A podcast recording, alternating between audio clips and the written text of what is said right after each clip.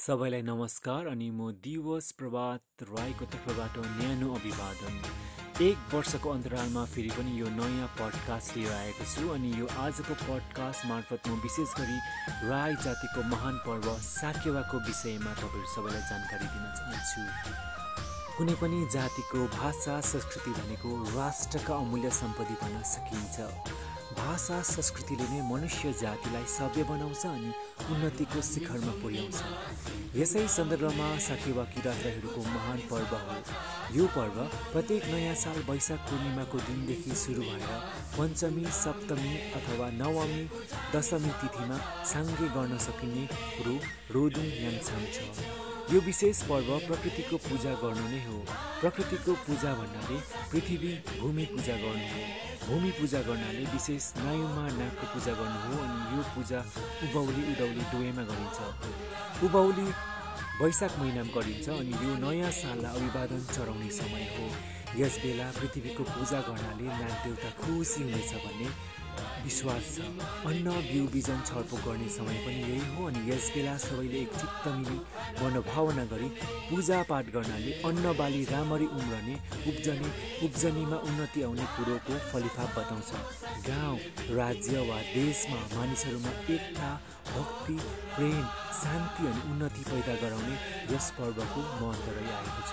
यो पर्वमा माङ्पा सुमहङ गुरु ऋषि मिवाद्वारा मुद्दुम फलाकी आगामी वर्षमा पनि यसरी नै मानिसहरूमा एकताको भावनामा बाँधिएर आफ्नो कृषि व्यापार शिक्षा क्षेत्रमा उन्नति होस् भन्ने प्रार्थना हेतु पूजा गरिन्छ। उदौली पूजा मङ्सिर महिनामा हुन्छ।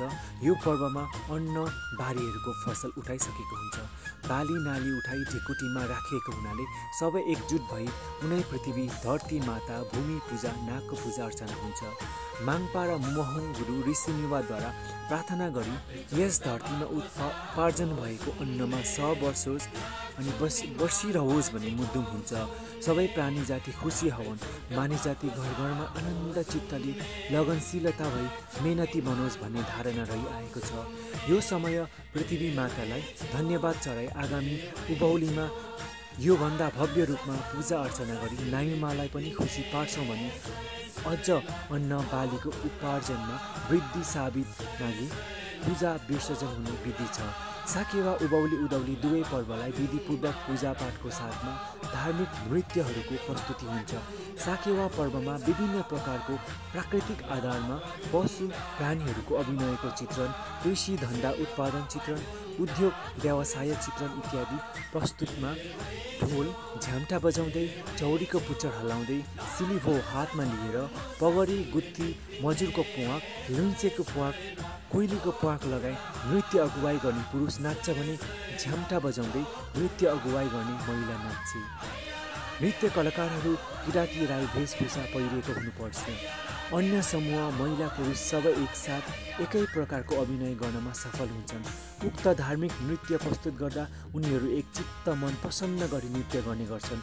कहीँ कतै नृत्यमा या नृत्य निर्देशनमा अथवा अभिनयमा गल्ती भएमा नृत्य कलाकारहरूको शिर ढल्छ भन्ने भाषा कुप्पाहरूको याङछाम छ।